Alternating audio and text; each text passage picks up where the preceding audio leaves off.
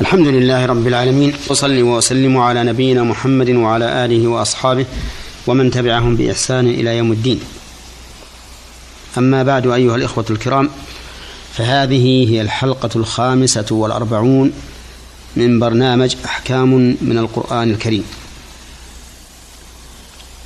نتكلم فيها على ما بقي من الكلام على قوله تعالى مخاطبا بني إسرائيل وآمنوا بما أنزلتم مصدقا لما معكم ولا تكونوا أول كافر به ولا تشتروا بآياتي ثمنا قليلا وإياي فاتقون.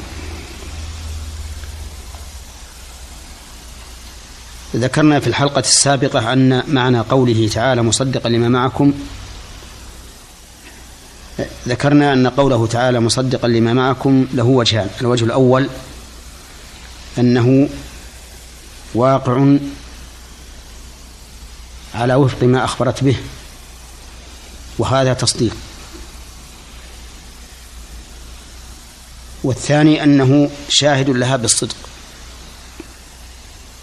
وأنها من عند الله. وهو ك... وهذا أيضا تصديق. وقد شهد القرآن الكريم بأن التوراة والإنجيل كلاهما من عند الله عز وجل.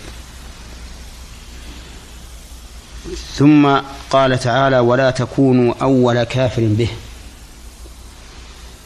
يخاطب بني إسرائيل فينهاهم أن يكونوا أول كافر به. وقد استشكل بعض أهل العلم قوله أول كافر به. حيث كان مفردا مع أن الخطاب لجماعة. وأجيب عن ذلك بأن المراد لا تكون أول فريق كافر به والفريق جمع. يعني لا تكون أول من يكفر به مع أن عندكم علما بأنه حق. كما قال الله تعالى الذين آتيناهم الكتاب يعرفونه كما يعرفون أبناءهم. فإنه إذا كنتم أول فريق كافر به مع علمكم بأنه حق كان ذلك أشد وأقبح. ثم قال ولا تشتروا بآياتي ثمنا قليلا.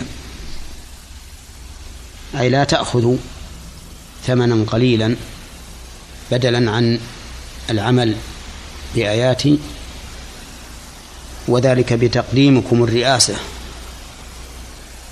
على ما جاء به الرسول صلى الله عليه وسلم. فإن بني إسرائيل كانوا يستفتحون على الذين كفروا ويقولون سيبعث نبي ونتبعه ونغلبكم. ولما بعث محمد صلى الله عليه وسلم من بني إسماعيل حسدوهم وقالوا إن هذا ليس هو النبي الموعود. فاشتروا بآيات الله ثمنا قليلا ليبقوا على رئاستهم. ولكن صار الأمر بالعكس ولله الحمد. فلم يبقوا على رئاستهم بل فتح المسلمون بلادهم. ففتحوا بلاد الشام وهي مستوطن الروم النصارى. وفتحوا بلاد العراق وهي مستوطن المجوس الفرس واستولى ولله الحمد المسلمون على بلاد هؤلاء فأورثهم الله أرضهم وديارهم وأموالهم. وإياي فاتقون. نقول فيما في قوله وإياي فاتقون ما سبق في قوله وإياي فارهبون. وهنا أمرهم بالتقوى والتقوى اتخاذ وقاية من عذاب الله بفعل أوامره واجتناب نواهيه. هذا الكلام المجمل على معنى الآية الكريمة. أما ما يستفاد منها ففيها فوائد. أولا أن اليهود والنصارى مخاطبون بالإيمان.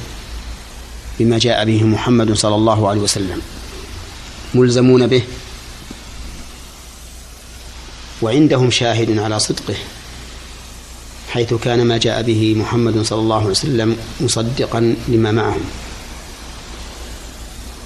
وعلى هذا فإذا كفروا به لم يكونوا مؤمنين. وإن قالوا نحن نؤمن بالله واليوم الآخر فإنهم لا يتم لهم ما أرادوا حتى يؤمنوا بمحمد صلى الله عليه وسلم. ولهذا أقسم صلى الله عليه وسلم أنه لا يسمع به يهودي ولا نصراني ثم لا يؤمن بما جاء به إلا كان من أصحاب النار. ومن فوائد الآية الكريمة أن القرآن منزل من عند الله. والقرآن كما نعلم كلام. فإذا كان نازلا من عند الله وهو كلام لا يكون إلا بمتكلم به دل هذا على أن القرآن كلام الله. وهذا ما أجمع عليه سلف الأمة أن القرآن كلام الله منزل. ومن فوائد هذه الآية الكريمة إثبات علو الله لقوله بما أنزلت والإنزال لا يكون إلا من فوق. وإذا كان الكلام كلام الله وهو صفة من صفاته ووصف بأنه منزل دل ذلك على أن المتكلم به